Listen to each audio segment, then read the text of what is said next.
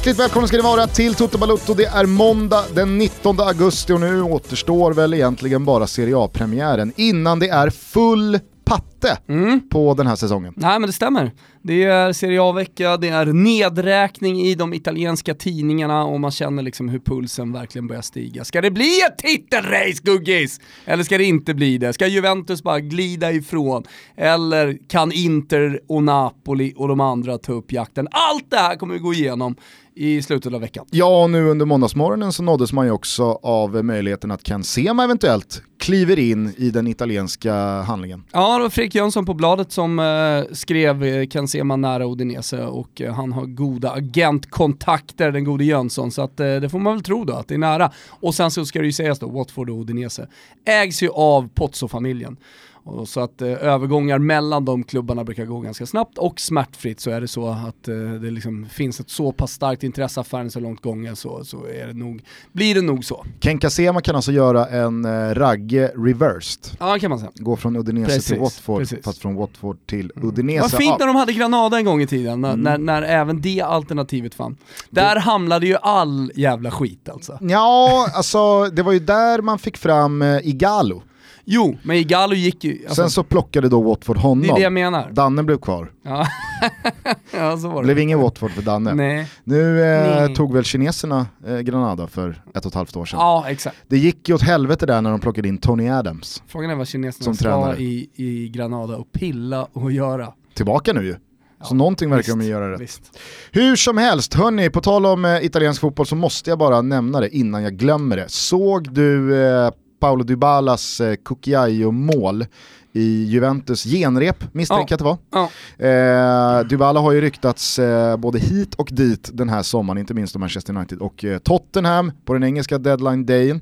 Men eh, ser ut att bli kvar, och han firade ju som att så här, I'm a stay Ja right men han here. gjorde nummer 10. Höll ju upp sitt namn och, ja, på ryggen. Ja, och så sig liksom på klubbmärket. Och Men allt. målet, herregud vilket Ja, men mål. Det, det, det som är så jävla häftigt med är Totti borta mot Interklass. Mm, ja, men det som är så jävla häftigt, eh, det, det, det är ju att man, man måste ändå förutsätta att han tänker sig hela aktionen Mm. innan han får bollen. Och när gör han det då? När bollen är i luften? Ja, då har han i huvudet, jag ska göra så här, så här och chippa in den. Det är i alla fall det, är i alla fall det man måste förutsätta här, håll med. Ja, ja. Så, och, och jag menar, när, när, mål, när ett mål innehåller så många moment, men det är en aktion, förstår du vad jag menar då? Då tycker jag att det blir så jävla mäktigt. Mm. Ja. Alltså hela rörelsemönstret, alltihopa, det genialiska. Och vem fan tänker att han ska liksom Ja, ta första touchen dit och chippa över målvakten, det är otroligt alltså. Vissa har det bara Gugge, vissa är genier, födda fotbollsgenier. Andra har inte. Andra har det inte, det, är- det är så. Men eh, nu, nu är det ju, alltså Juventus-supportrarna vill ha kvar honom, hörde man inte minst då på Atletico och Juve på Friends. Men, men eh, nu spekulerar man i att eh, Juventus kanske har då sin prima punta redan. Jag, jag har ju förespråkat, och alla som lyssnar på Toto Balotto vet ju om det, jag har ju förespråkat Dybala som nummer nio. Det är lätt att tänka att han är lite kortare, att han inte liksom har alla nummer nio-egenskaper, men jag tror att i ett Sarri eh, Juventus, så liksom den här falska nia-typen, Mertens och alltihopa, tror jag att han passar helt jävla perfekt. Och i den här matchen fick han ju spela där, då får han ju den bollen i den positionen och så han kan göra det där.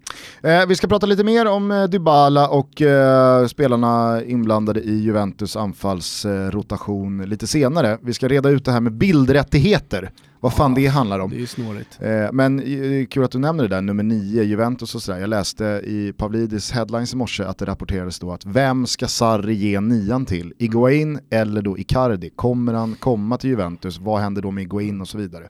Eh, blir ju en eh, soppa att följa. Mm. Eh, Trumfkort som han sitter på Marotta i Inter. ja, så jag såg också Icardi-rykten till Monaco. Mm. Monaco som inlett säsongen strålande. Två torsk, två gånger 0-3. Röda korten står som spön i backen. Jag vet inte fan vad man ska dit och göra. Men eh, Juventus eh, genrep i all ära, det tog sig inte in i måndagstutto-svepet. Vill du höra hur det låter? Ja, om jag vill. Fan. I fredags... fan. I fredags sparkade La Liga igång och i ungefär 89 minuter satt vi som tittade och ojade oss över hur mänskliga Barcelona såg ut. Jag vet, jag vet, Messi vilades och Luis Suarez utgick skadad hyfsat tidigt, men ändå. Osynkat, slarvigt och ledarlöst är inte tre adjektiv Valverde ville summera premiären med. Men Det tänkte inte så många på när slutvisslan ljöd, för då hade nämligen 67-årige Aritz Aduriz cyklat in 1-0 till Bilbao och redan i den första omgången stått för en utmanare till säsongens mål. Gammal i äldst! Vamos Aritz! Sempre el rey Aduritz! Det lät bra i mitt huvud. Ah, Till den spanska starten lägger vi att Real Madrid tog tre starka poäng borta mot Celta, Gareth Bale slog ner som en bomb i Zidans första elva och Toni Kroos visade att det fortfarande finns löd i bössan. Luka Modric åkte ut och Benzema spräckte nollan. Den båten guppar på fint i år igen vad det verkar. Mm. Alexander Isak fick se sitt Sociedad, japp, Sociedad hamna i underläge mot Valencia efter världens längsta VAR-situation och Kevin Gamiro kunde ha punkterat kalaset på tilläggstid. Men den lilla fransosen skickade bollen över Mestallas läktare och några minuter senare så kunde Isak indirekt ordna kvitteringen genom att fixa en frispark utanför boxen som sen träffade en hand i muren och straffen gav de blåvitrandiga för dagen i slimegrönt en poäng. Joao Felix presenterade sig för hemmapubliken på Wanda Metropolitano med eh, bländande teknik när Atleti tog första segern och äh, nu lämnar vi Spanien. I England lyckades Arsenal med nöd och näppe brotta omkull Burnley. Av nyförvärven imponerade Ceballos stort medan Nico Pepe hade det lite jobbigare. Och på tal om nöd och näppe, Liverpools trea borta mot Southampton skrämde inte många, men 6 av 6 är allt som räknas, i alla fall i första hand. Och Sadio Mané, han visade återigen att släkten är värst. Goldelex och så vidare. Teemu Pukki gjorde hattrick mot Steve Bruce sorgliga ursäkt till fotbollslag. Min personliga favorit Harry Wilson gjorde sitt första Premier League-mål i Bompans första seger och Manchester City blev återigen straffade av VAR-gudarna på Eastlands när Tottenham kom på besök. 2-2 resultatet speglade inte alls matchen, men för att jämföra med Liverpools svajiga insats så tror jag nog alla ljusblå hellre haft två segrar på kontot. Chelsea och Leicester delade broderligt på söndagssteken i en oerhört märklig tillställning. I paus hade de Kungsblå kunnat leda med både 2 och 3. När det hela var över så var det nog Leicester som var mest besvikna över att det bara blev en pinne. Frank Lampard summerade det ganska bra efteråt. Vi spelade sämre i den här matchen än i förlusten med 4-0 mot United. Bundesliga sparkades igång under fredagen med att Niko Kovacs ganska icke-oljade maskin Bayern kryssade mot Hertha. Dortmund slaktade Thomas renässansbröder i Augsburg och Sebbe Andersson fick i Union Berlins Bundesliga-premiär se Foppens Leipzig göra rent hus och lämna med 4-0. Men mer om Bundesliga senare i veckan när Pöler gästar oss. I allsvenskan utlöste Enok Kofi Adous visumstrul en sällan skådad dominoeffekt i Gnagets startelva. Norlings kablar brann och maken till uselt utfall har jag inte skådat på länge. De regerande mästarna förlorade hemma mot Kalmar av alla lag och nu blir dubbelmötet mot Celtic än mer tillspetsat. Malmö FF hittade tillbaka till segerstigen och bankade på Falkenberg med 5-0 medan såväl Häcken som Peking slickat såren efter Europa-exits och tog nya starka treor på resande fot. Men det går ju inte att komma ifrån vilket läge Diffen nu har skaffat sig. Öj, öj, öj. Öj, öj, öj. Här har du det. Du mm. blir matigare och matigare Gusten och så nästa vecka ska du klämma in Serie A också. Det är nog lika bra att jag tar eh, nästa vecka. Jo, men du kan ju fatta hur man är en sån här måndag morgon. Ja. Tre månader av icke-fotboll, visst lite eh, mästerskap och svensk fotboll och sådär, men vi har inte svept ordentligt under Nej. sommaren. och nu det... finns det liksom hur många hallon som helst att plocka jo, i busken. Eh, absolut, och sen så tror jag också, jag menar anledningen till att vi gör svepen är ju för alla som kanske inte har tid eller lust att, att se allting men ändå vill uppdatera sig, ha koll på det stora som har hänt eh, och i alla fall det vi tycker är viktigt. Ja, alltså av de flera hundratusentals som lyssnar på Toto Balotto så tror jag inte man ska underskatta att väldigt många Miljoner. också vill, som du är inne på, få en matig genomgång. Aha, okej, okay, det var det som hände rent sportsligt i helgen. Eh, och så spelades det 55 matcher till, men där stack inte saker och ting ut. Eh, det, det, då får man Nej, med sig någonting bra. Ja, bra start på veckan, ja, bra summering av helgen. Ja, och sen så finns det ju de som kollar på precis allt och har den möjligheten och, och lusten liksom. Och då kan det ju vara bra att bli lite påmind. Mm, verkligen. Jag tror, säkert, tror säkert också att det sitter en del och kliar sig i huvudet och undrar varför vi inte nämner att PSG redan har förlorat i Ligue 1. Men mm.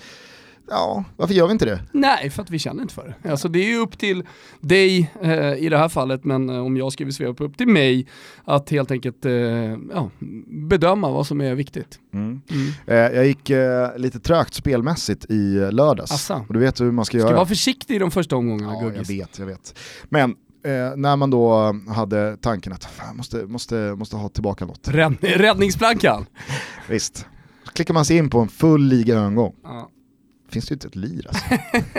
Ja, Finns fan inte då? finns plus, inte en match? Plus, hand, plus handikapp på Rennes kanske. De hade ju verkligen Ja, men det, var, kraftsamlat. det, var söndag, matchen? det var söndag. Ah, okej. Det här är lördag, så Ja. vi pratar... Fan, eh, rä- Räddningsplankorna ska alltid komma på, på, på söndag. Vi ska liksom summera helgen på söndagskvällen. när man börjar kika mot Bordeaux. Ja, i- i bordet, underläge. som Niklas Borg säger.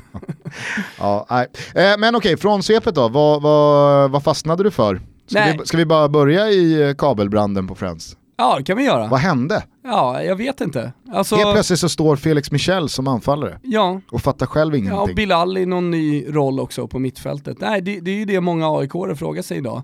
Och inte bara aik det är jävligt många som frågar sig var, varför det laget och, Mm. och eh, han är, han är, eh, Norling har ju försökt att uh, testa andra taktiker. Han spelade 4-3-3 ett tag ju inledningsvis.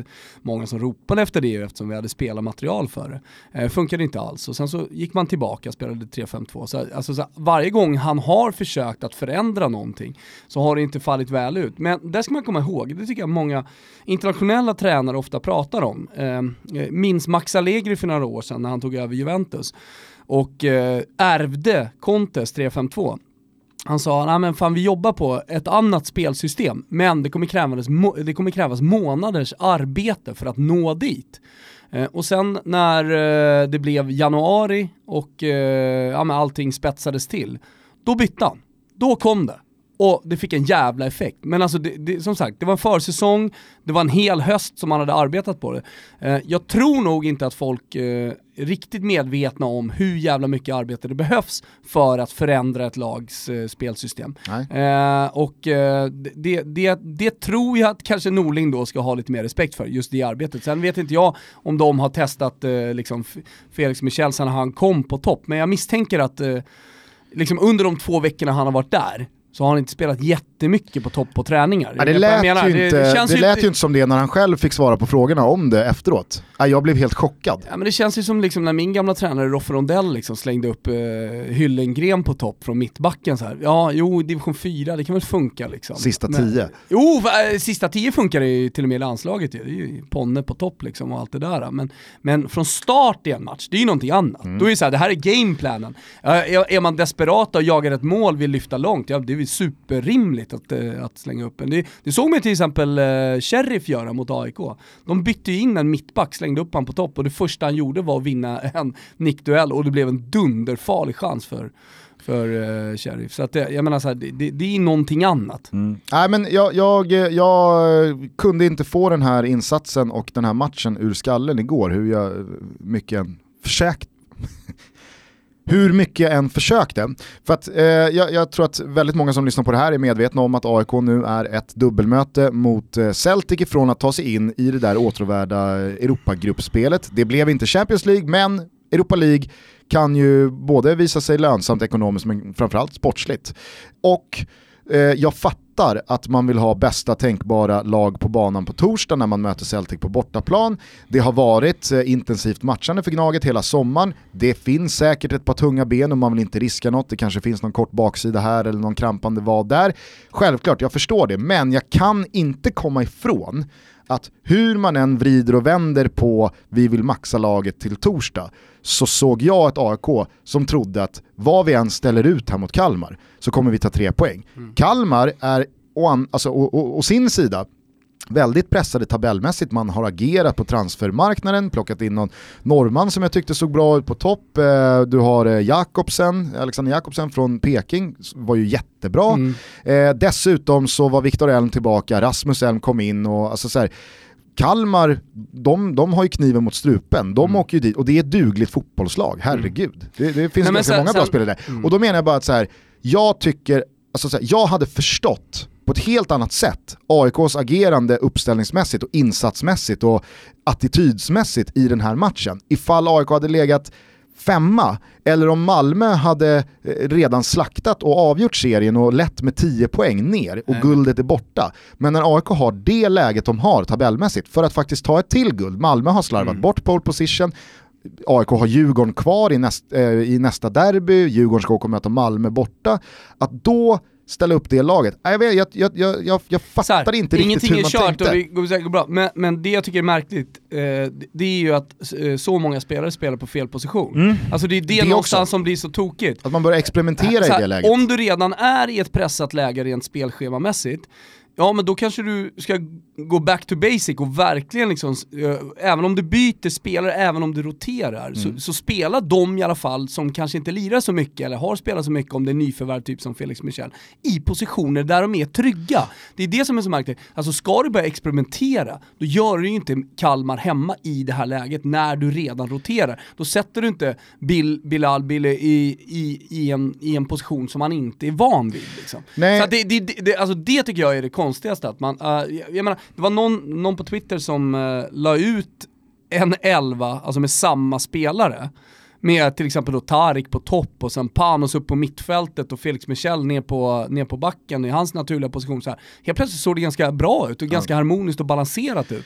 Jämfört med det liksom, AIK som, som faktiskt eh, spelade. Så det, Ja, men, ja, ja, och- och- bara med de här spelarna tror jag att AIK hade kunnat gjort en jävligt mycket bättre Och ett prestation. ytterligare lager på det här, som jag nämnde kort i svepet, det blir ju att den här torsken tillspetsar ju avancemanget mot Celtic, det eventuella avancemanget mot Celtic, Herregud. ännu mer. För att jag vet också att AIK har pratat hela året om att det är Europa som gäller, nu har vi det där guldet. Jättemånga supportrar, jag, jag vet att när det kommer till hur supportrar känner så är det aldrig 100-0, Nej. utan det finns alltid olika åsikter. För vissa är SM-guldet. är nyanserad Ja, Gusten, jo, men- en, en, en stor palett. för vissa supportrar så kommer SM-guldet alltid trumfa Europa-framgångar. Men klubb, från klubbens håll så har det varit väldigt tydligt att vi går all in i Europa, vi ska till det där gruppspelet. Och in the long run för att tävla med Malmö FF, så visst, jag förstår också att man behöver de där pengarna mer än vad man behöver ett SM-guld till. Hur som helst, det som nu sker är ju att om man skulle åka ut mot Celtic, vilket man ändå får se som fullt möjligt och rimligt, herregud. Det, det Är med oddsfavoriter. såklart.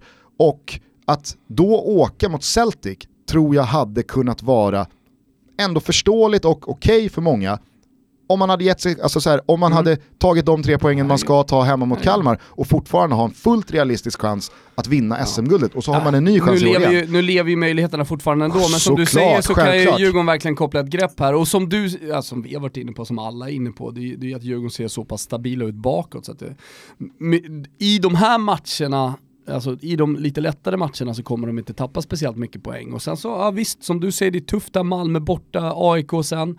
Eh, men två kryss där, ja då är det ju upplagt igen liksom. Eh, eller ännu mer, då, då är det gata in, tycker jag, för, Mm. För Djurgården. Ja, och jag, på tal då om man såg liksom kloka tankar på Twitter så såg jag någon också att, så här, att vila tre spelare för att ha dem lite fräschare till Celtic, att, att göra det här för vad då? 5% större möjlighet att slå ut Celtic. Är det de 5 procenten, så, ah, att du fattar hur jag tänker, Nej, det blir ju det, det, det- det, är ju- det- det det ett såklart, högt det är spel. ja, ja, och det var det jag inte kunde få ur det huvudet igår. behövde in, nej, hela grejen är att det behövde inte vara så högt. Eh, Du hade inte, du hade inte behövt minska möjligheterna med 5% överhuvudtaget. Och det var, ju- för- för det var ju heller ingen... du hade det kunnat ingen rotera och ändå haft en helt annan balans i laget. Ja, och jag tror att folk hade kunnat eh, känna annorlunda och tänka annorlunda och se på hela den här situationen annorlunda om det här hade varit en förlust med Ja men om det hade varit City-Tottenham-siffror i statistiken, Mm. förstår du vad jag menar? Alltså 33 i avslut och Mm. total överlägsen, men det är stolpe ut och det är liksom missade straff. Det var ju en rättvis seger för Kalmar. Mm. Alltså Kalmar vinner ju fullt rättvist. Mm. Det, Nej, det, det, och sen- den, sen den tror matchen jag ska liksom- inte sluta på något annat sätt. Jag vet inte om du såg eh, Malmö FF, men jävlar vad fröjdiga de var mot Falkenstjärten hemma där. Så Eh, trötta på att kryssa eh, Di Blå är alltså. Alltså jävla vilken urladdning och Traustason helt plötsligt vaknar upp och nej, ja, det, det, det, är en, det är en mäktig prestation även om det såklart är klasskillnad spelare för spelare och lagen så här. Men, men det var ju verkligen en urladdning. Det var ju som att nej nu jävla kliver vi in i den här guldstriden på riktigt igen. Så att, fan vad Malmö blir farliga alltså. Jag tror att den där Kalmar-vinsten, Ja, den gjorde nog också lite för tändningen ja i... det, Omklädningsrummet kan, det på kan det säkerligen ha gjort också men jag tror inte de hade behövt ens det alltså. Ja, högt spel från Gnaget och Norling. Vi får väl se eh, vad, vad det blir för nästa kapitel i den här sagan då på torsdag när Gnaget åker till Celtic Park. Du var aldrig nära att boka biljetterna eller? Jag är på väg ner. Du är på väg? Ja, det är en komplicerad situation men eh, vi kan prata om det sen. Men jag, jag är 80-20 till favör att åka ner till Glasgow. Okay. Så vi får prata om det. Supervärde på de där 20 procenten alltså. Ja, med andra ord. Vi är som ni vet sponsrade av våra vänner borta hos Betsson och vi har haft en hel del långtidare som nu sjösatts i och med ligapremiärerna runt om i Europa. Men Serie A-premiären återstår, den kommer till helgen. Mm, jag sitter och filar lite på en härlig trippel, då, en långtidstrippel som vi ska sitta och jobba. För två år sedan så lyckades jag den säsongen. Uh, hade lite stolpe ut förra säsongen men sitter ju på några riktigt sköna uh, tips här va. Har du något du kan bjuda, Nej, bjuda men, på? alltså Lukaku är med. Ja, ja han är med han på är något med. sätt. Han är med. Härligt. Hörni, jag hoppas att det var många av er som han rygga Adam Lillpöler Nilssons långtidstrippel till Bundesliga-premiären i slutet på förra veckan. Adam gästar oss senare i dagarna för att prata upp eh, Bundesliga-säsongen som alltså redan har dragit igång. Men vi skickade ut den här trippen och han fick ju en smakstart. Eh, ett av hans tre ben var att Niko Kovac inte ska träna Bayern München första januari. Och med tanke på att han kryssade mot Hertha Berlin hemma i premiären så dras ju snaran åt redan. Mm. Eh, dessutom Paderborn ut, började med torsk. Så att eh, mm, ja. verkar veta vad han snackar om man, även i år. Man kan ju addera att eh, Borussia Dortmund ändå får en smakstart. De vinner stort i premiären. Eh, Okej, okay, nu är det första omgången, men ändå. De, de, de tar ju taktpinnen liksom. Mm, sätter ytterligare press på Kovac. Lite ändå. Tredje benet i hans trippel var ju att Vedad Ibisevic eh, ska ta över 8,5 kort. Och eh, med tanke på att han gör gör två mål borta mot Bayern München i premiären så var det ändå imponerande att han höll tröjan på. Ja. Trodde man ju att han skulle rycka den när han gjorde 2-1. Hörni, håll ögon och öron öppna för eh, både Thomas långtider till Serie A, jag skickar in en jag med. Mm, det, det gör jag. jag. Det gör du alltid, så eh, det är klart du ska. De kommer finnas borta hos Betsson till dess så säger vi stort tack till Betsson för att ni är med och möjliggör Toto Balotto. Kimpa, smäller du in en fanfar? Ah, fy, det var ju väntat, det var ju lågoddsare. Vi har ju vunnit eh, Pepsi Max Taste Challenge eh, tidigare och eh, vi vet ju om, vi tycker ju att Pepsi är den godaste koladrycken där ute. Men det finns ju en annan stor jätte och kanske några andra eh, som ändå konkurrerar. Nu står det klart, nu behöver ni inte fundera mer den godaste koladrycken, det är Pepsi! Precis, eh, Pepsi Max Taste Challenge har ju kuskat land och rike runt hela sommaren. Jag hoppas många av våra lyssnare har varit och besökt dem, sagt tutto, fått en liten hemlig gåva sådär. Och då alltså deltagit i den undersökning som nu slår fast att 55,6% föredrog Pepsi framför den andra storsäljande koladrycken på marknaden. Mm. Så att eh, vi lyfter väl på hatten här ja. från Tutto-studion och säger stort grattis till Affe och gänget. Ja det gör vi, stort jävla grattis och eh, tänk på det nu när hösten kommer ta er en eh, höstpepsi. Hur gör man det på bästa sätt? Ja, man bara korkar upp den och sen så dricker man den rakt Det är så man tar den. Oavsett temperatur på pepsin, den ska bara i. Det man, är så jävla gott bara. Man korkar upp den och så tar man den. Jajamän. Det är så man tar en höstpepsi. Stort tack till Pepsi och stort grattis Pepsi! Annars då från svepet, det var ju eh, fullt ös i Premier League, La Liga rullade igång. Ja, nej men eh, La, La Liga eh, tycker jag vi absolut kan börja med. Vi hade en så jävla fin pratstund med Adam Pinitore. Tack för alla fina ord. Från Adams sida säger vi tack också. Eh, han är otrolig. Det var ett jävligt bra avsnitt, ni som inte har lyssnat på det lyssna på det. Eh, så får ni lite mer matnyttigt kring eh, La Liga-säsongen. Men, men eh, att Barcelona såg, som du sa, eh, så impotenta ut eh, i, i den här matchen och så mediokra ut. Visst kan man ju förklara det att det är tidigt, att Messi inte var med, att Suarez och så vidare och så vidare. Men, eh, men eh, jag tycker, så här, hade det blivit 0-0, kryss, då hade man tyckt att Bilbao gjorde en jättebra match och ja, men det, var, det var roligt att de kunde knipa en poäng. Men att det avslutats på det sättet med Adorit som bara liksom bissar in eh, segermålet. Ja, men där kommer ju körsbäret på tårtan, det blir så jävla balt. Mm. Ja, det var ett otroligt mål att sparka igång en, en ligasäsong med. Och just på den arenan också, mot ja. det laget. Det är, alltså, all respekt för Leganes, eller man kanske inte har all respekt för Leganes. Nej. Nej. Men hade det varit mot, hade, hade den här La Liga-säsongen inletts med Bilbao och Leganes och eh, Adoric gör sådär i 89 mot dem, det blir inte samma sak då. Nej det är klart det inte blir. Eh, det, det, är alltid så. Alltså det, är, det är två matcher, eller fyra blir det ju, som, som verkligen betyder någonting. Där man vill visa upp sig för hela världen. För det är hela världen som kollar på, på Barcelona och Real Madrid. Eh, och, och inleda då med en sån jävla Smällkaramell. Tack, smällkaramell. Men som man inte fattade någonting av att se Gareth Bales namn i Zidans första elva.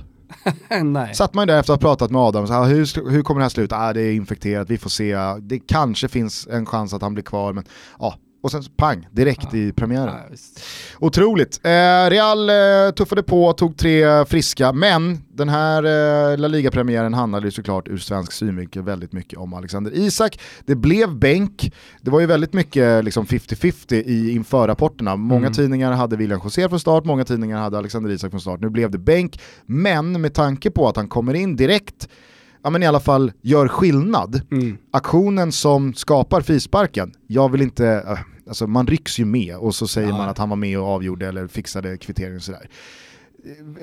Alltså, till, tillåt mig att göra det då ibland, jag menar bara att någon slags injektion blev han ja, ja. med den försäsongen på det och att de dessutom, ja men de vinner matchen från att han kommer in. Mm. Eh, det, det talar ju för honom att Jo, sen måste man också säga... Om två, tre matcher så, så, får han ju sin start. Ja, och att brassen, alltså William José, det är svårt att säga, dumt namn liksom. Eh, man heter inte José i, i eh, Brasilien, de säger väl eh, Jose eller någonting också.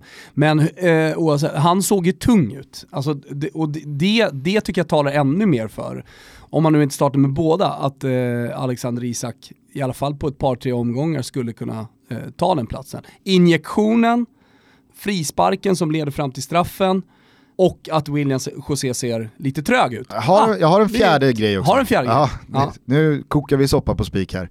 Men visst, visst... Du kan addera försäsongen också. Ja men exakt, det har vi redan nämnt. Men visst ser man och känner av en liten speciell synk med Ödegård? Ja, faktiskt. På något sätt så tycker jag det. Och sen så passar de två varandra också. Mm. Och Alexander Isak är lite mer rörlig, så just de här insticken som Ödegaard är bra på, när han kommer rättvänd, kanske har gjort sin gubbe, där, där, är, där är Alexander Isak så jävla bra att hitta de fria ytorna i, i boxen. Så att ja, jag, jag, jag tror att det där kommer bli hjälpligt. Men, men där kan vi också stanna upp lite. Martin Ödegård, man har glömt bort att han är född 1999. När han inte... Han är 98. Är du säker på det? Jag tror det. Ah, okay. Jag skulle säga 99, men skitsamma. Såhär, när han inte dunderlyckades i Real Madrid, som är helt sjukt, vem fan gör det som 16-17-åring? Eh, och sen så då några turer tillbaka va, till Norge och sen så ner till Holland glöms ju bort lite. Och där, där är vi ju så jävla hårda på att döma. Vi är så hårda på att framförallt döma ut spelare. Um, och så fort de börjar bli liksom 22, 23, 24, jag hyllade Niang igår till exempel i, i Rennes som gjorde kvitteringsmålet mot PSG. Tyckte han såg jättefin ut i den och så var jag tvungen att gå in och kolla, fan hur, hur gammal är han? Han är 24 bast. Känns som han har varit med hur länge som helst. För han mm. snurrat lite i de här italienska storklubbarna. Och, så var han Torino senast flög i någon månad och sen så hade han sämre perioder. Sen så igår såg han sådär jävla fin ut så man tänker bara han borde ju spela i en stor klubb. Men med Martin Ödegård så tror jag att han sakta liksom hela tiden har jobbat sig mot seniorfotbollen. Han har varit en jävla junis, en valp. Men har jobbat sig dit, liksom Alexander Isak har gjort. De har ju väldigt lika karriärer. När ska det släppa i Dortmund? Så bara, no, fast det behöver inte släppa i Dortmund. Utan det, det, det, kan komma sen. Han är, han är, han, han är 20 bast i år. Mm. Och dessutom kan jag tycka så här, anfallare. Alexander Isak är nummer 9. Birov, han blommade när han var 27, 28. Alltså så här, du, du, man, man, har så jävla stora krav på att de ska, de, ska, de ska lyckas innan de har fyllt 20 mer eller mindre i dagens fotboll. Mm. Så att, äh, men med Martin Ödegård tyckte han såg så otroligt bra ut, alltså vilken jävla touch. Ja. Hoppas han får fortsätta och, och, och, och blomstra. Nej, men så, så mer man tänker på det, de har ju extremt lika karriärer, så säljas för stora pengar som bara 16-17-åringar till några av de största klubbarna i världen.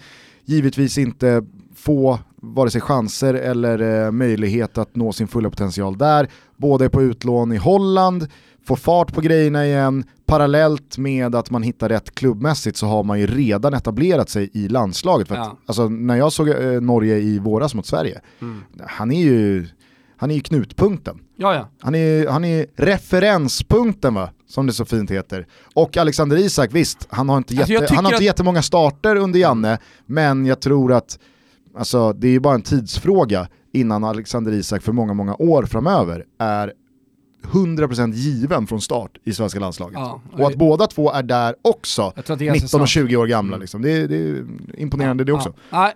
Jag hoppas att eh, de två kan bilda ett jävla fint anfallspar. Hörru du, från eh, Premier League-helgen så undrar jag om du såg eh, Chelsea-Leicester igår. Absolut. Vad tyckte du? Jag tyckte jag menar så här, att Chelsea började bra, det kändes som att fan nu kanske Lampard har, fått till det, alltså det var, det var, det var min, min första känsla. Men det här var en match med den här karaktären som man brukar säga av många ansikten. Eh, det som hände sen var ju att Leicester åt sig in i den här matchen. För att sedan när, när Chelsea med publiken i ryggen, så vet jag inte hur jävla mycket publik det var i ryggen, eh, men ska, ska liksom gå för det där segermålet sista 20 minuterna, så är det istället Leicester som spelar smartast, är giftigast eh, och man känner återigen att fan det kommer dröja om han ens kommer dit men innan, innan Chelsea är eh, liksom en, jag ska känna som ett topplag igen. Men alltså det här, är, det här är ett Leicester som faktiskt är bättre än Chelsea. Mm. Och då var det ju ett Leicester som var under all kritik usla i första halvlek. Exakt. Alltså jag satt och slet mitt hår Ja, eller- och se så många bra fotbollsspelare. Alltså Thielemans, Ja. Han såg, han såg Ja. onykter ut. Ja. Men, men framförallt tror jag att jag känner så här att Chelsea och Leicester, de hör ungefär till i samma eh, segment av tabellen. Alltså det är det är två jämnbra lag. Ja, jag vet inte, jag... jag Alltså har du lämnar- mer spets i Chelsea? Till exempel. Alltså de här spelarna som gör skillnad. Manchester United kan spela dåligt, Liverpool kan spela dåligt, men sen så har de spelare som, som bara liksom glider in och avgör. Där känns, tycker jag, Leicester som det, farligare laget. Jag lämnades i alla fall med känslan efter den här matchen med att, jaha, hur bra matchcoach är egentligen Frank Lampard? För att så som det såg ut i Chelsea under den andra halvleken, alltså Leicester har ju Chelsea på en gaffel. Det är ju, det är ju märkligt att de inte lyckas göra 2-1 med de ytor som finns, med de möjligheter som finns, med det slarv som Chelsea bara levererar på ett silverfat till Leicester att ställa om på. Så undrar jag så här, visst, det, det behöver inte alltid vara byten som förändrar matcher, men att inte lyckas liksom så här, oj oj oj, efter den här tre minuters perioden av eh, målchanskavalkader för Leicester, att inte få ihop laget bättre, att inte få till mer struktur, med, i min värld i alla fall, några hyfsat enkla taktiska dispositioner. Ja, det, tyckte jag var, det tyckte jag var märkligt. Nej, och så, han är inte där än, det är ju så, det är uppenbart. nej, och då börjar jag liksom addera då att han inte lyckades stoppa blödningen mot Manchester United utan det rann ifrån till 4-0. Visst, det kanske inte var spelmässigt 4-0, det är väl alla överens om, men det blev ändå 4-0. Och när man då möter Liverpool som man gjorde, då gör man det ju bra, men återigen så tycker jag att alltså, Lampard har ju chansen att vinna den där matchen över Ja, 90 minuter. fri- Precis som, precis som Southampton, alltså att de förlorade den här matchen mot Liverpool. Liverpool spelade ju, ja, inte, inte, inte, de var ju sämre mot Southampton än de var mot Chelsea. Men det är ett Liverpool som inte, tycker jag i alla fall, ser helt påkopplad ut. Som tror att det ska gå lite mer av sig självt än vad det kommer göra den här säsongen. Och med, med de tre matcherna på en vecka då för, för Lampard som matchcoach, starkt. Star, Ja. Starkt skeptisk här Ja. nu efter en vecka. Ja, då måste man, ja, jo, det, det får man faktiskt vara. Det är inte så att vi summerar någon eh, serie i augusti, men man måste också få vara kritisk eh, redan i den andra omgången. Och- om det, om det som, som du är inne på, ser så dåligt ut som det Ja, ändå gör. och jag liksom. menar du, du nämner spetsen också. Jag tycker ju den spetsen saknas. Det är ju den stora skillnaden på Chelsea med och utan Eden ja, Hazard. men det är ju det. Exakt, så att hade Eden Hazard spelat i Chelsea den här matchen, Mm. då hade det kunnat sett ut så här men Chelsea hade kunnat vinna med 3-1 Ja. ändå för att Hazard har en bra dag. Ja. Det var ju det som hände med Liverpool. Liverpool Exakt, är usla men. Sadio Mané har en bra dag. Då löser han tre Ja. poäng. Leicester saknar den spelaren, men igår så sitter ju liksom Chelsea och väntar på vem, vem vill ha bollen, vem vill göra det, vem vill liksom driva fram en forcering, vem vill lösa tre poäng. William hoppar in, han såg ut som att han inte ville vara där. Nej, men... Han tog så dåliga beslut, eh, liksom, och de, de gångerna han Mm. Misslyckades med någonting, han började, ser han började, helt ointresserad han började ut. dribbla på egen plan, halva och bli av med bollen. Alltså det, det, då, är det, då, då finns det ju ingen tanke. Alltså så här, börja dribbla på egen plan, halva, börja köra en mot en där, det, då är, det är ju skolboken liksom. Fan lägg ner. Ja, Ska ju högre upp i planen. ja nej, så jag, jag, jag, är all for att ha tålamod och avvakta med slutsatser och det delas inte ut några bucklor Men du är i maj skeptisk, och så vidare. Men om jag, om jag var liksom så här, okej men nu ska, vi, nu ska vi hålla lite på nu ska vi hålla lite på sågningarna efter bara en eller två matcher, Frank Lampard-Chelsea. Nu är det tre matcher, nej det här, det här har inte börjat bra. Oj då Karlsson. Det här har inte börjat bra. Vi är sponsrade av Simor numera. Det är säkert många som inte riktigt har landat i den här rokaden som blivit. Strive eh, var ju med oss i över ett år, men för en dryg vecka sedan, eh, två veckor sedan, så slog det ju ner som en bomb att Simor köper upp Strives rättigheter. Och det är vi väldigt glada för egentligen, för att nu blir ju sportutbudet bara ännu bättre. Ja det blir ju det, och det blir ju samlat också. För att Simon har ju redan, som ni vet, allsvenskan fortsatt under eh, hösten här. Men också EM-kval som är jävligt kul. Och så golfen då som du gillar. Det är bara några exempel. Och för bara 99 kronor så får alla gamla Strive-kunder alltså Serie A, La Liga, MLS, golf och eh, EM-kval. Det är ju otroligt alltså. Ja, verkligen. 99 spänn i månaden alltså kostar det där kalaset och har man som tidigare Strive-abonnent fortfarande frågetecken och funderingar och sådär så ska man ha fått ett mail Ja, har man, av fått Strive. det, ja, har man inte fått det så ska man mejla till deras kundservice. Exakt, och där framgår allting vad som nu gäller. Annars kan man skriva till Thomas också på Twitter. Där heter han att Wilbacher. Stämmer. Svarar på allt, dygnet runt. Ja, jag tycker att det är eh, väldigt, väldigt eh, lukrativt, väldigt, väldigt bjussigt och som du säger att allt är samlat på en och, och samma gång. Jag kunde i, i lördags liksom direkt när eh, Alexander Isak hade fixat den där kvitteringen knäppa över Fixat. och se, ah, men det, det, jag hakar på, ja. jag säger att han gjorde det. Nej men då kunde man bara Skrev liksom i här- sig en hel krönika på att han hade fixat det så jag ska fan säga någonting. då kunde man bara gå ur den sändningen och klicka sig in på eh, golfen. På Moving Day i Oh. BMW Championship. Hände det något då? Ja det var ruggigt. Ruggig golf alltså. Justin Thomas, alltså herregud han spelade en, en runda som han inte fanns. Hörni, vi säger stort tack till Simor för att ni är med och möjliggör Toto Balutto. Vi är denna vecka sponsrade av Stay Hard Thomas och eh, nu när augusti lider mot sitt slut så är det ju dags att börja uppdatera höstgarderoben. Ja det är hög tid. Jag menar för mig som har skolbarn och, och sådär så har ju hösten redan dragit igång och inköpen har redan börjat. Men för alla vuxna då, alla som vill vara lite snygga, alla killar som lyssnar på det här. För Stay Hard är ju Sveriges absolut största nätbutik eh, för män och då handlar det ju om mode. Precis, med över 250 väletablerade och riktigt krispiga varumärken så är stayhard.se det absolut största utbudet man kan tänka sig när det är dags att shoppa ihop sig ett par fina outfits till hösten. Skor, byxor, tröjor, skjortor, jackor, mössor, handskar, you name it va. Och när ni nu ska ut på en liten spending spree så är Stayhard så pass schyssta att de ger er 25% rabatt på den dyraste varan med koden TOTO25. Så att eh, utöver alla rabatter och reor som redan finns på stayhard.se så kan man alltså klicka i eh, ja, de eh, plaggen man vill ha i varukorgen och då med koden TOTO25 så drar Stayhard bort 25% på den dyraste varan till ordinarie pris. Och kom ihåg det här nu, för vi får många mail och vi får många meddelanden om vad var egentligen koden på Stay Hard? Jo, lägg det på minnet, TOTO25. Och så när ni har lyssnat klart på det här så går ni bara rakt in på sajten och klickar er runt va. Vi säger stort tack till Stay Hard för att ni är med och möjliggör Toto Balutto. Vill du höra en eh, saga som värmer ett fotbollshjärta? Ja, jättegärna. Ja, men I tider av liksom, eh, 800 miljoners eh, övergångar med spelare man typ inte har sett. Och Det pratas om att Gareth Bale ska tjäna 10 miljoner i veckan i Kina. Och här, alltså det, man, är- ibland blir man lite trött på det. Och så tänker man, var är, var är de riktiga härliga sagorna på den här scenen? Eller finns det bara plats för miljarder och diver? Nej, nu ska vi lyssna. Mellan 2000 och 2011 så tillhörde den här spelaren Preston. Under samma period så var han utlånad till Darlington, Blackpool, Wycombe Wanderers och Swindon. Sen gick han till Leeds. Mm, verkade gått ändå helt okej, fick spela där. Blev tre år i Bolton efter det, borde varit när Mjällby och Neil Lennon var där.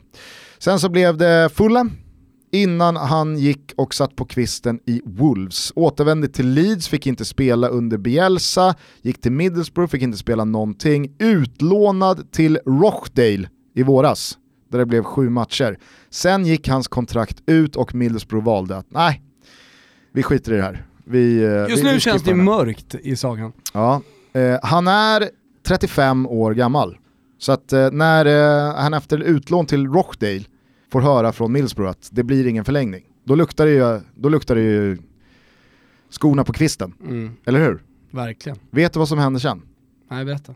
Han har då på något sätt lyckats eh, ta en plats på Liverpools försäsongsturné i USA. För att de, de behöver sparringpartner. Eh, Allison är iväg på Copa America med Brasilien, ska ha lite semester. Så att eh, han är bara med under USA-turnén. Och så kommer de tillbaka. Eh, han eh, får då för Klopp fortsätta träna på Melwood i jakt på en ny klubb. Han vill inte riktigt lägga handskarna på, på hyllan. Klopp gillar ju den här killen, det hör man. Absolut, men det är väl, det är väl också schysst att säga, visst herregud, du får Super. träna med oss i väntan på en klubb, inga problem. Och sen då, så vet ju säkert de flesta vad som hände i premiären. Allison drar vaden var det va? Mm. Och eh, väntas bli borta någon månad eller en och en halv. Och vad gör då Liverpool? Jo, de signar upp Andy Lonergan på ett korttidskontrakt. Han sitter på bänken och vinner Europeiska Supercupen i eh, förra veckan. Och nu då så satt han på bänken i eh, Premier League när Liverpool eh, åkte och slog Southampton. Va? Blir man inte glad när det här sker? Jo, jävligt glad. Jag satt ju och hoppades på att Adrians fysik, han hade ju han hade ju skadat sig i segerfirandet efter en supporter som på något sätt hade trampat på hans fot. Så han var ju osäker för foten var ju svullen dagen efter Ja. han vaknade. Så han var ju osäker till Southampton-matchen. Så det var ju inte jättelångt ifrån ändå att han ändå skulle få göra Premier League-debut va?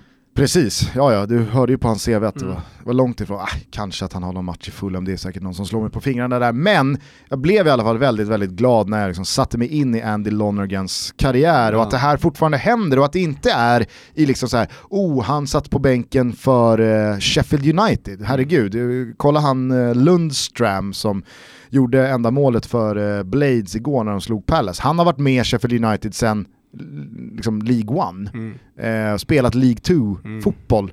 Eh, det går ju, Ja, men så det är Vardy till exempel då som går hela vägen och till slut också vinner Exakt. Premier League. Så att det, sagorna finns ju, absolut. Exakt, eller Ricky Lambert som, Mm. han stod väl och eh, skruvade åt eh, lock på rödbetsburkar va? Var det så? Ja, och så typ fem år senare så går han för 100 miljoner Mm. från Southampton till Liverpool.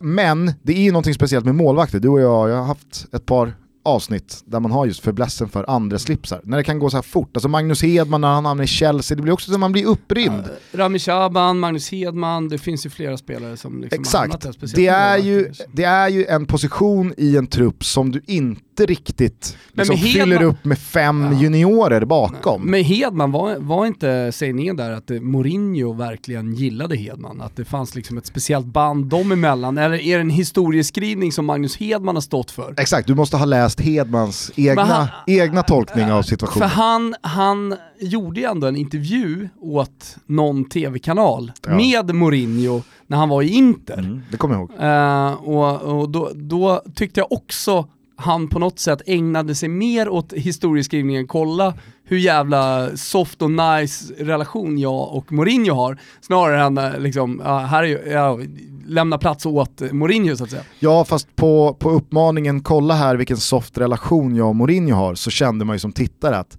ja, Nej, känner inte riktigt samma sak Magnus. Det är inte ömsesidigt här. Mourinho pratade ju med Hedman som, vilken, alltså, så, som att han vore vilken journalist som helst. Eller liksom så här, ja, jag vet inte, jag fick inte alls Nej. samma tajta Nej. brödrabands-feeling. Nej.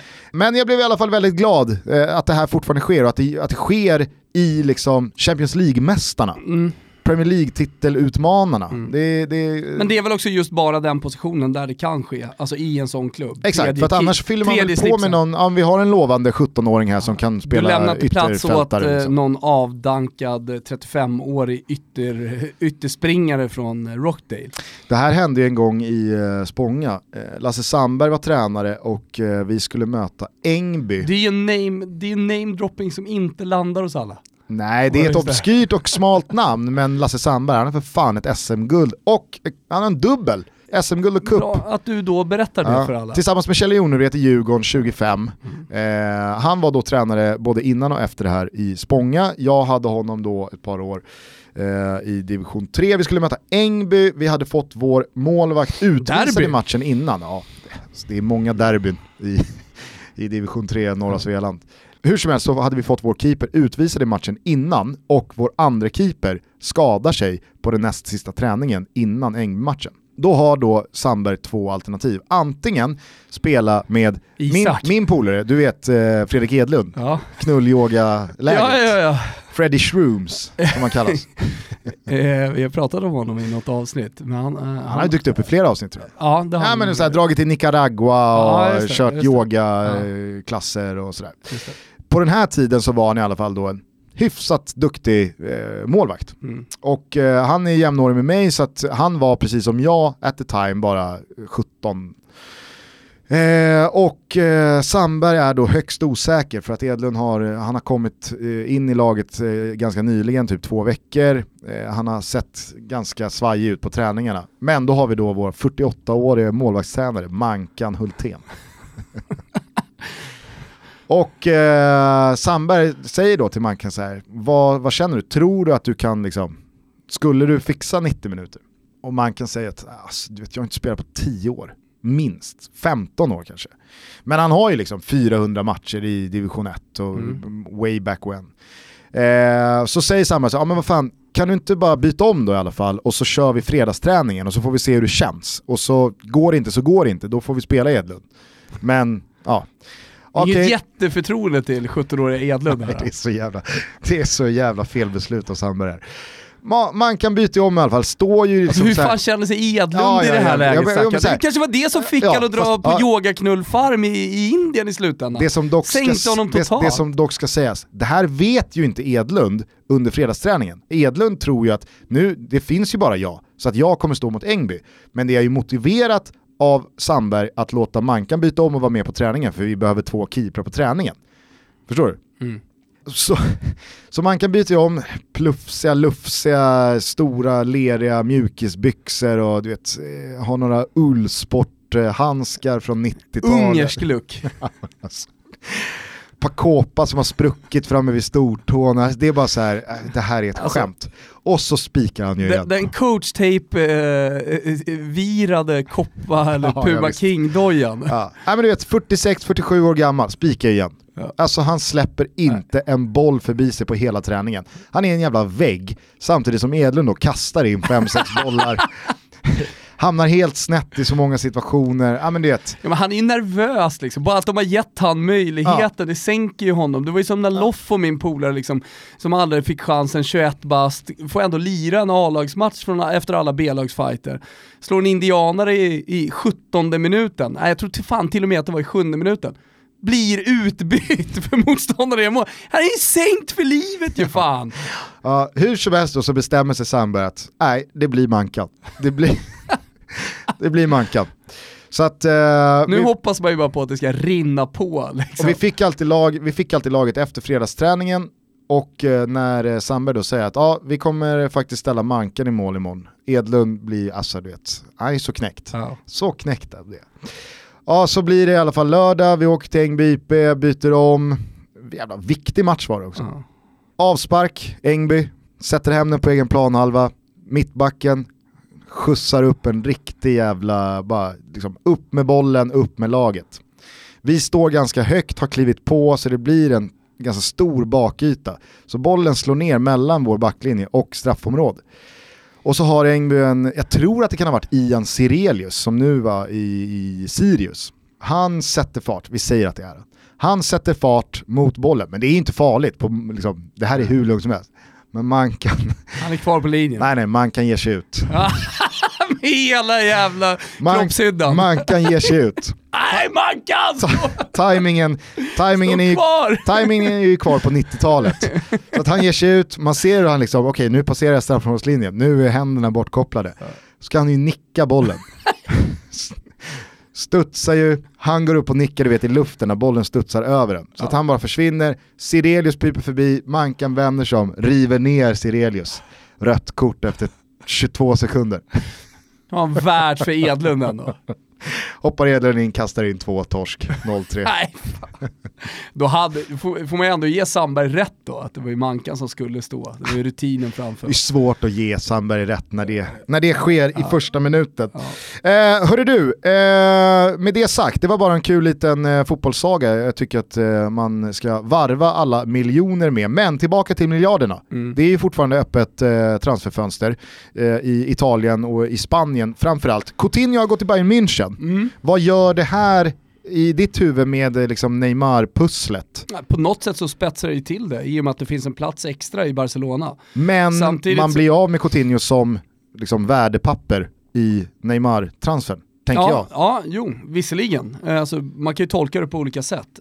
Så fort en spelare lämnar så, så händer det ändå någonting. Alltså, det, det sätts igång saker. Så att jag, jag tror ändå att eh, det här kommer lösa sig i slutändan. Eh, jag tror att det kommer bli Neymar till Barca. Jag tror, jag tror liksom att det, det, det, det finns en plats för honom där. Mm. Vi pratade ju mycket med Pinitoro om det. Det finns en plats i Barcelona för, eh, för Neymar och ännu mer nu när Coutinho har försvunnit. Man måste ju säga att Bayern München faktiskt gör två bra värvningar i Perisic och Coutinho. Ja. Känns väldigt spännande.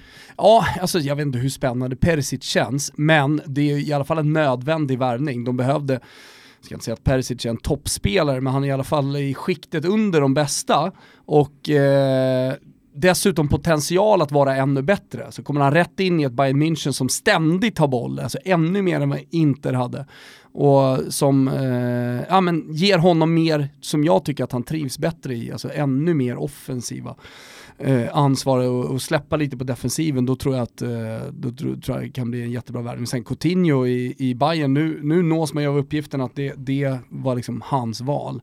Hans första val, det var till Bayern han ville.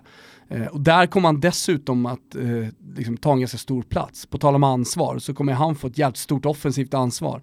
Han kommer vara den nummer 10-spelaren som han precis vill vara. Han kommer röra sig liksom, i de eh, sektionerna på planen där han verkligen vill vara. Och eh, jag, jag tror liksom att så här, Coutinho, han har hela tiden velat känna sig liksom, som den stora stjärnan men aldrig riktigt fått göra det i ett lag som faktiskt går för Champions League-titeln. Så att, eh, ja, det, det kanske blir en saga då om eh, Bayern München går hela vägen i år. Jag tänker att eh, den här förlusten mot eh, Rennes eventuellt bättrar på möjligheterna för Neymar att faktiskt bli kvar. Alltså nu har Coutinho hamnat någon annanstans, PSG kanske känner så jävla vassa är vi inte. Att bli av med Neymar och vad då? Få, få in vad? För går han till Barca, vad, vad, vem, ska de, vem ska de få då? Det är en, det, det är en hyfsat eh, jävla krånglig ihoplappning de ska göra med supportrar och ja, ju bara ta laget, han ska in i laget igen efter att ha liksom, ha haft en månad där han mer eller mindre bara har bråkat. Eh, och för all del, klubben har, har varit tydliga med eh, att man vill, alltså man förhandlar med andra och om man förhandlar med andra, ja då, då betyder det att man vill bli av med honom. Så att jag menar, ja, det, det, det, det, det är så pass infekterat, såret, såret så pass öppet att det är jävligt svårt att se Neymar gå in i en Champions League-match eh, i mitten av september för PSG. Eh, Neymar i all ära, den som då återstår är ju Mauro Icardi, om vi nu förutsätter att Dybala blir kvar. Men det får vi väl ändå säga att eh, han markerade ganska tydligt vart åt det barkar. Jo men sen har ju det drömmålet. aldrig varit hans val. Han Nej, har ju alltid nej, velat men- vara men- kvar men, men eh, eh, som vi pratade om inledningsvis här med Dybala, alltså gör man ett sånt mål eh, och han visar att liksom, det där är en position som faktiskt, alltså Juventus har ju ett anfallsproblem. De har ju ett problem med den spelaren. Vem, vem ska lira där? Iguain är ju inte en Champions League-vinnare idag. Och jag har jävligt svårt att se att Iguain är en Champions League-vinnare i april, liksom när det börjar spetsas till också. Jag tror att det, det liksom, han, han, han kan inte leda ett lag från anfallsposition. De behöver en större stjärna så att säga, de behöver en bättre spelare. Samtidigt och, som då Inter har signat Lukaku och där finns Conte. Uppenbarligen så ska inte Iguain till Inter. Edin Dzeko har eh, out of the blue kritat på för tre nya år med Roma, mm. så att liksom, det blir Dzeko som Roma går De på. De har ju lappat ihop det. Exakt. Och, och, då är det ju liksom så här, blir Iguain kvar i Juventus och Dybala så finns det absolut inte plats för Icardi att gå dit. Nej. Men Icardi kan inte vara kvar i Inter. Nej. Det finns ingen plats i Roma. Nej, alltså om det är infekterat med Neymar så, ja vi kan inte ens prata om, Nej. om Icardi som har legat i Comosjön hela sommaren. Så att då är det ju liksom så här, ja, då, då kanske det är fullt rimligt att Monaco börjar liksom dyka upp och som bli ett alternativ. alternativ ja, för, för Icardis del handlar ju självklart delvis sportsligt såklart och det, det får man ju ändå förutsätta och hoppas att det, det är liksom det viktigaste för honom, hans karriär. Han har ju aldrig slagit i det argentinska landslaget, har ju haft problem där med Messi, vad man har hört liksom. Eh, och det finns ju konkurrens om positioner också. Men sen så är vi ju väldigt många som tycker att Icardi är en av världens bästa nior. Och han är fortfarande hyfsat ung. Och han borde spela i en stor klubb. Han borde vara med liksom i Champions League kvartsfinaler och semifinaler eh, redan nu. Mm. Så att eh, så här, ja, gå till Monaco då, det, då är det lite som att man ger upp karriären. ja, men, I alla fall den karriären som han har haft. Alltså kolla på Mario Balotelli som är klar för Brescia nu. Så här, ja, där, har man gett upp liksom. Så här, det blir inget, ja, men, så här, det blir inget stort mer. Man har, hade ändå för ett par år sedan så här, när det var Nice och han har ju grymt målsnitt i den franska ligan, ska man fan komma ihåg också. Jag såg någon som skrev om det. Eh, även i Marseille. Alltså du vet, så här, spelat så här många matcher, gjort så här många mål, alltså otroligt. Men, eh, men när man bråkar för mycket, alltså när, när, man, när man blir för mycket strulpelle, då tror jag liksom att de här stora klubbarna, det finns för många alternativ. Eh, så så man, man undviker helt, helt enkelt den typen av spelare. Men kan inte eh, en riktigt bra säsong i Brescia då, och 20, 24 mål i Serie A. Ge honom Inter eller ja. Ja, Milan. Lite Casano typ. Jo, eh, det är klart det skulle kunna göra. Alltså, så, om, om han gör 25 mål, Piontek gör, 7, äh, gör 15, ja vad fan, då kan man gå till Milan då. Och sen så har vi ju faktiskt ett EM 2020 och det är ju det han siktar på. Det är mm. därför han är i Brescia. Han, alltså tillbaka till uh, Italien, säga vad man vill, att det är liksom moderna tider, vi har Y-scout och vi har allt möjligt, vad fan, det är, du kan ju följa honom i vilken liga som helst. Men du vet hur Mancini är, han är jävligt traditionell här trots allt och han har pratat om det också. Att komma tillbaka till Italien, komma till Brescia eh, och göra, ja, men säg att han gör 20 mål där, då är han ju Nej, men då är han fan med i, i EM-truppen 2020 och jag tror att det är liksom någonstans Balotellis stora morot att ta sig dit och därf därför blev liksom Brescia det bästa alternativet. Kan bli party på Flam Rigamonti den här hösten. Alltså jag ska dit Gusten. Fan ska du med eller? De har ju nu, nu, de har ju nu rustat upp Rigamonti. De har finat till den så att nu, nu ska det alltså, det är fortfarande Rigamonti, de har inte byggt en ny arena. Men den fallfärdiga Che Tragedia-arenan, liksom, den är inte kvar. Så att, eh, och dessutom då den här supertalangen Tonali i laget eh, som Liverpool har varit intresserade av, står på tillväxt nu, ska göra sin första säsong i Serie A. Det kan bli, en, kan bli en ganska trevlig säsong på Rigamonti. Mm. Men det är många resor vi ska göra nu. Vi ska till eh, San Sebastian, mm. vi ska till Thessaloniki, mm. du fick i present av mig här nu när du fyllde 40 förra veckan, Florens mm. till våren. Tack. Varsågod. Eh, ska vi klämma in Brescia där också? Men fan när vi åker, när vi åker eh, med tjejerna till, eh, till Florens så kan vi väl pipa iväg till Brescia. En liten avstickare. Ja. ja det kan vi göra. Hyra en eh, liten Cinquecento, fan vad fina vi skulle vara i den. En detalj i eh, övergångsryktena kring spelare från eh, främst Italien den här sommaren har ju varit det här med personliga bildrättigheter. Det här dök upp för något år sedan, Några, två år sedan, eh, i synnerhet kring Napoli-spelare. Ja, för de, de vill helt enkelt inte ge eh, spelarna eh, sina bildrättigheter. Alltså där, där har ju liksom klubbarna varit ganska eh, flexibla ska jag säga. Mm. För det om, handlar om jag förstod det rätt bara så var det här en avgörande detalj i också varför inte Dybala hamnade i England. Ja, det var d- denna anledningen Ja, att han inte handlade i Spurs. Väldigt många har då frågat oss både via sociala medier och, och, och mail. Fortsätt mejla oss, totobalutto.gmail.com med så här, vad fan är det här? Nej men eh, alltså det, det går inte att säga svart eller vitt, alltså, det går inte att säga 100% ha, den här spelaren äger sina egna bildrättigheter så att klubben får inte använda sig i reklamsyfte, alltså det kan ju vara ljud, det kan vara bild, eh, ja men det, det, det kan vara precis vad som helst men de får inte kommersiella syften använda sig av då, som jag sa, ja, men till exempel rösten eller ja, bilder utan att spelaren går med på det. Så det handlar ju, egentligen handlar det om att spelaren har kontroll över eh, sina egna bildrättigheter så att säga. Eh, och skillnaden då till liksom hur det har varit. För det här är ju någonting nytt. Jag menar nu när spelarna har blivit varumärken mycket starkare, så var det inte förr i tiden. Skrev du på för Inter och du var stor gammel Ronaldo, ja men då var det så här, då var det Inter och då sa Inter att du ska göra det här och det här och det här. Men nu när det liksom är CR7 och vad har Dybala, har han någon eller? Har han eh, PD10. PD10, eh, ja men du, du är Zlatan liksom, fan, kolla hur många reklamer Zlatan gör Ni- hela tiden. Nimo, här. Nimo Cheebs, Ja. den eh, fantastiska rapparen från Ja. södra Stockholm. Han, eh, Inte Rista. ja exakt, han har ju länge gnuggat JZ4 Ja, för Javier Zanetti. Zanetti. Ja. Aldrig flugit. Det har aldrig flugit. Nej, det har det inte gjort. Nej men eh, det, det, men det här är inte bara spelare från Sydamerika. Oskar Linnér. OL 33, eller vad har han? 30, Ja. 32? Men vet du varför Oskar Linnér 32, OL 32 kommer upp? Jo, för att det finns massa tre, tredjepartsföretag alltså i det här, alltså image rights eh, företag. Så Dybala till exempel, han har ju ett sydamerikanskt eh, bildrättighetsföretag som liksom hanterar hans bildrättigheter. Så, så, så att det blir en extra förhandling då med det här företaget. Det är därför jag menar att det är lite snårigt. Och eh, det, det handlar inte om att man, det handlar inte om i Dybalas fall med Spurs tror jag, att man, man så här, Äh, vi, tar, vi ska ha alla bildrättigheter, utan det handlar om eh, nej men så här, detaljer i så här, vad får vi göra, vad, vad får vi använda oss eh, av, vad får vi inte använda oss av. Men hur förhåller man sig till liksom, tv-bolag då som köper Serie A-rättigheten och liksom, filmar Dybala eller eh, vem det Nej men är det vi det jag säger, om? alltså, självklart så det, alltså, även om du har kontroll över dina egna bildrättigheter så finns det ju vissa saker som du inte kan kontrollera.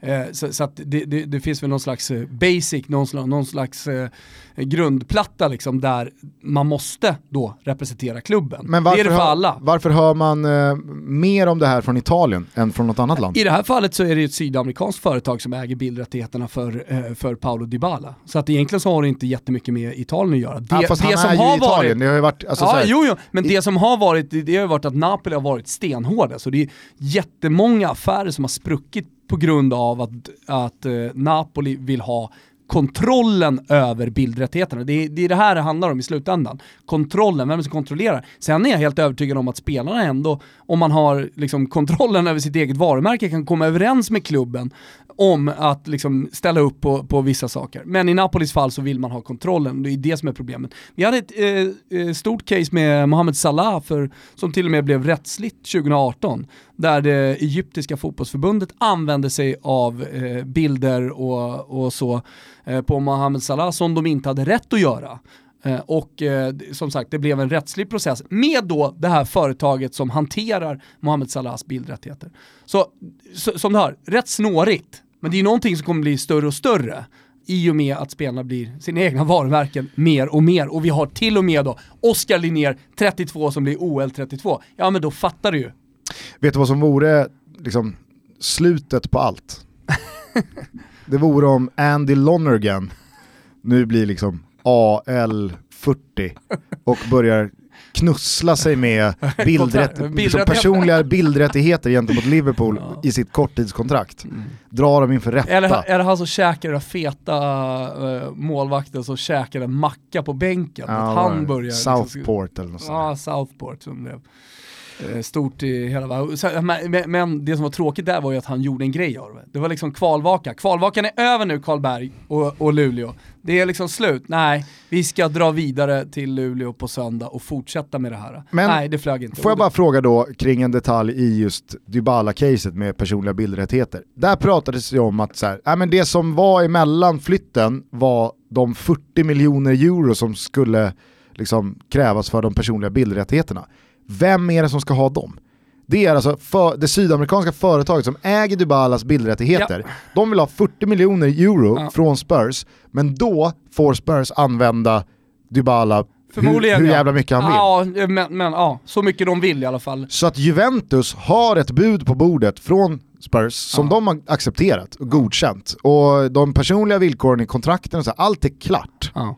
Men då kliver ett bildrättighetsägande sydamerikanskt företag in och säger app, app, app. Ja men krasst så, så, så är det ju faktiskt så. Sen så har vi ju precis, inte precis alla detaljer, men, men det kan man säga. Och sen så har ju Paolo Dybala ett, eh, ett eget kontrakt såklart med bild. Det är inte så att de får alla de här 40 Nej, nej, det miljonerna. förstår jag också, men hade Spurs teoretiskt sett kunnat säga ja men då skiter vi i de personliga bildrättigheterna och bara köper honom som fotbollsspelare. Mm. Vi blurrar honom på lagfotot. Men det blir, det blir principiellt säkerligen för, för, för Tottenhams eh, del. Liksom. Att de, de jobbar på det här sättet och oavsett hur mycket tränaren eller sportchefen vill ha en spelare så, så eh, ja, det, det, det, blir liksom så här, vi pratade om prejudikat förra avsnittet liksom. Eh, det skulle kunna bli i det här fallet också då, på något sätt. Eh, fattar jag menar. Det låter ju helt orimligt att det är de liksom, summorna av en hel transfer. Alltså 40 miljoner euro. Det är ju det är, halv, det är, det är, det är 50% av övergångssumman. Ja. Vet du hur stor han är? Jo men det är ingen liten klausul menar jag. Att så här, släng, Nej. på, eh, släng på tre millar Nej. också Nej. för Och bildrättigheterna. som sagt, det kommer bli större och större. Det kommer bli fler och fler sådana här case vad det lider. Hörni, det är dags att avrunda måndagstutto. Vi gör det med en påminnelse om att Varbergs Boys ikväll möter Brage. Och Thomas, vet du vad som händer vid en förlust ikväll för Varberg? Trillar de ner då eller? Då är de fyra. Ja, ja. Sån jävla jinx alltså. Sånt jinxat lag som det finns inte. Det är Mega helt, helt Varberg. otroligt vad vi har jinxat dem. Sen vi konstaterade att eh, Varberg är klara för eh, allsvenskan så har man alltså torskat mot Jönköping, kryssat mot Öster, sen lyckades man faktiskt slå Degerfors innan man återigen då torskade mot Dalkurd, man torskade mot Örgryte, sen torskade man mot Degerfors och så kryssade man mot Frej senast. Så att eh, Ah. jinxens makt är stor. Får väl hoppas att eh, Jocke Persson och grabbarna inte har lyssnat allt för mycket på Toto. Men det vore helt otroligt ifall de är alltså utanför ens kval innan augusti har blivit september. Det hade jag för mitt liv är inte kunnat tro. Det är bisarrt.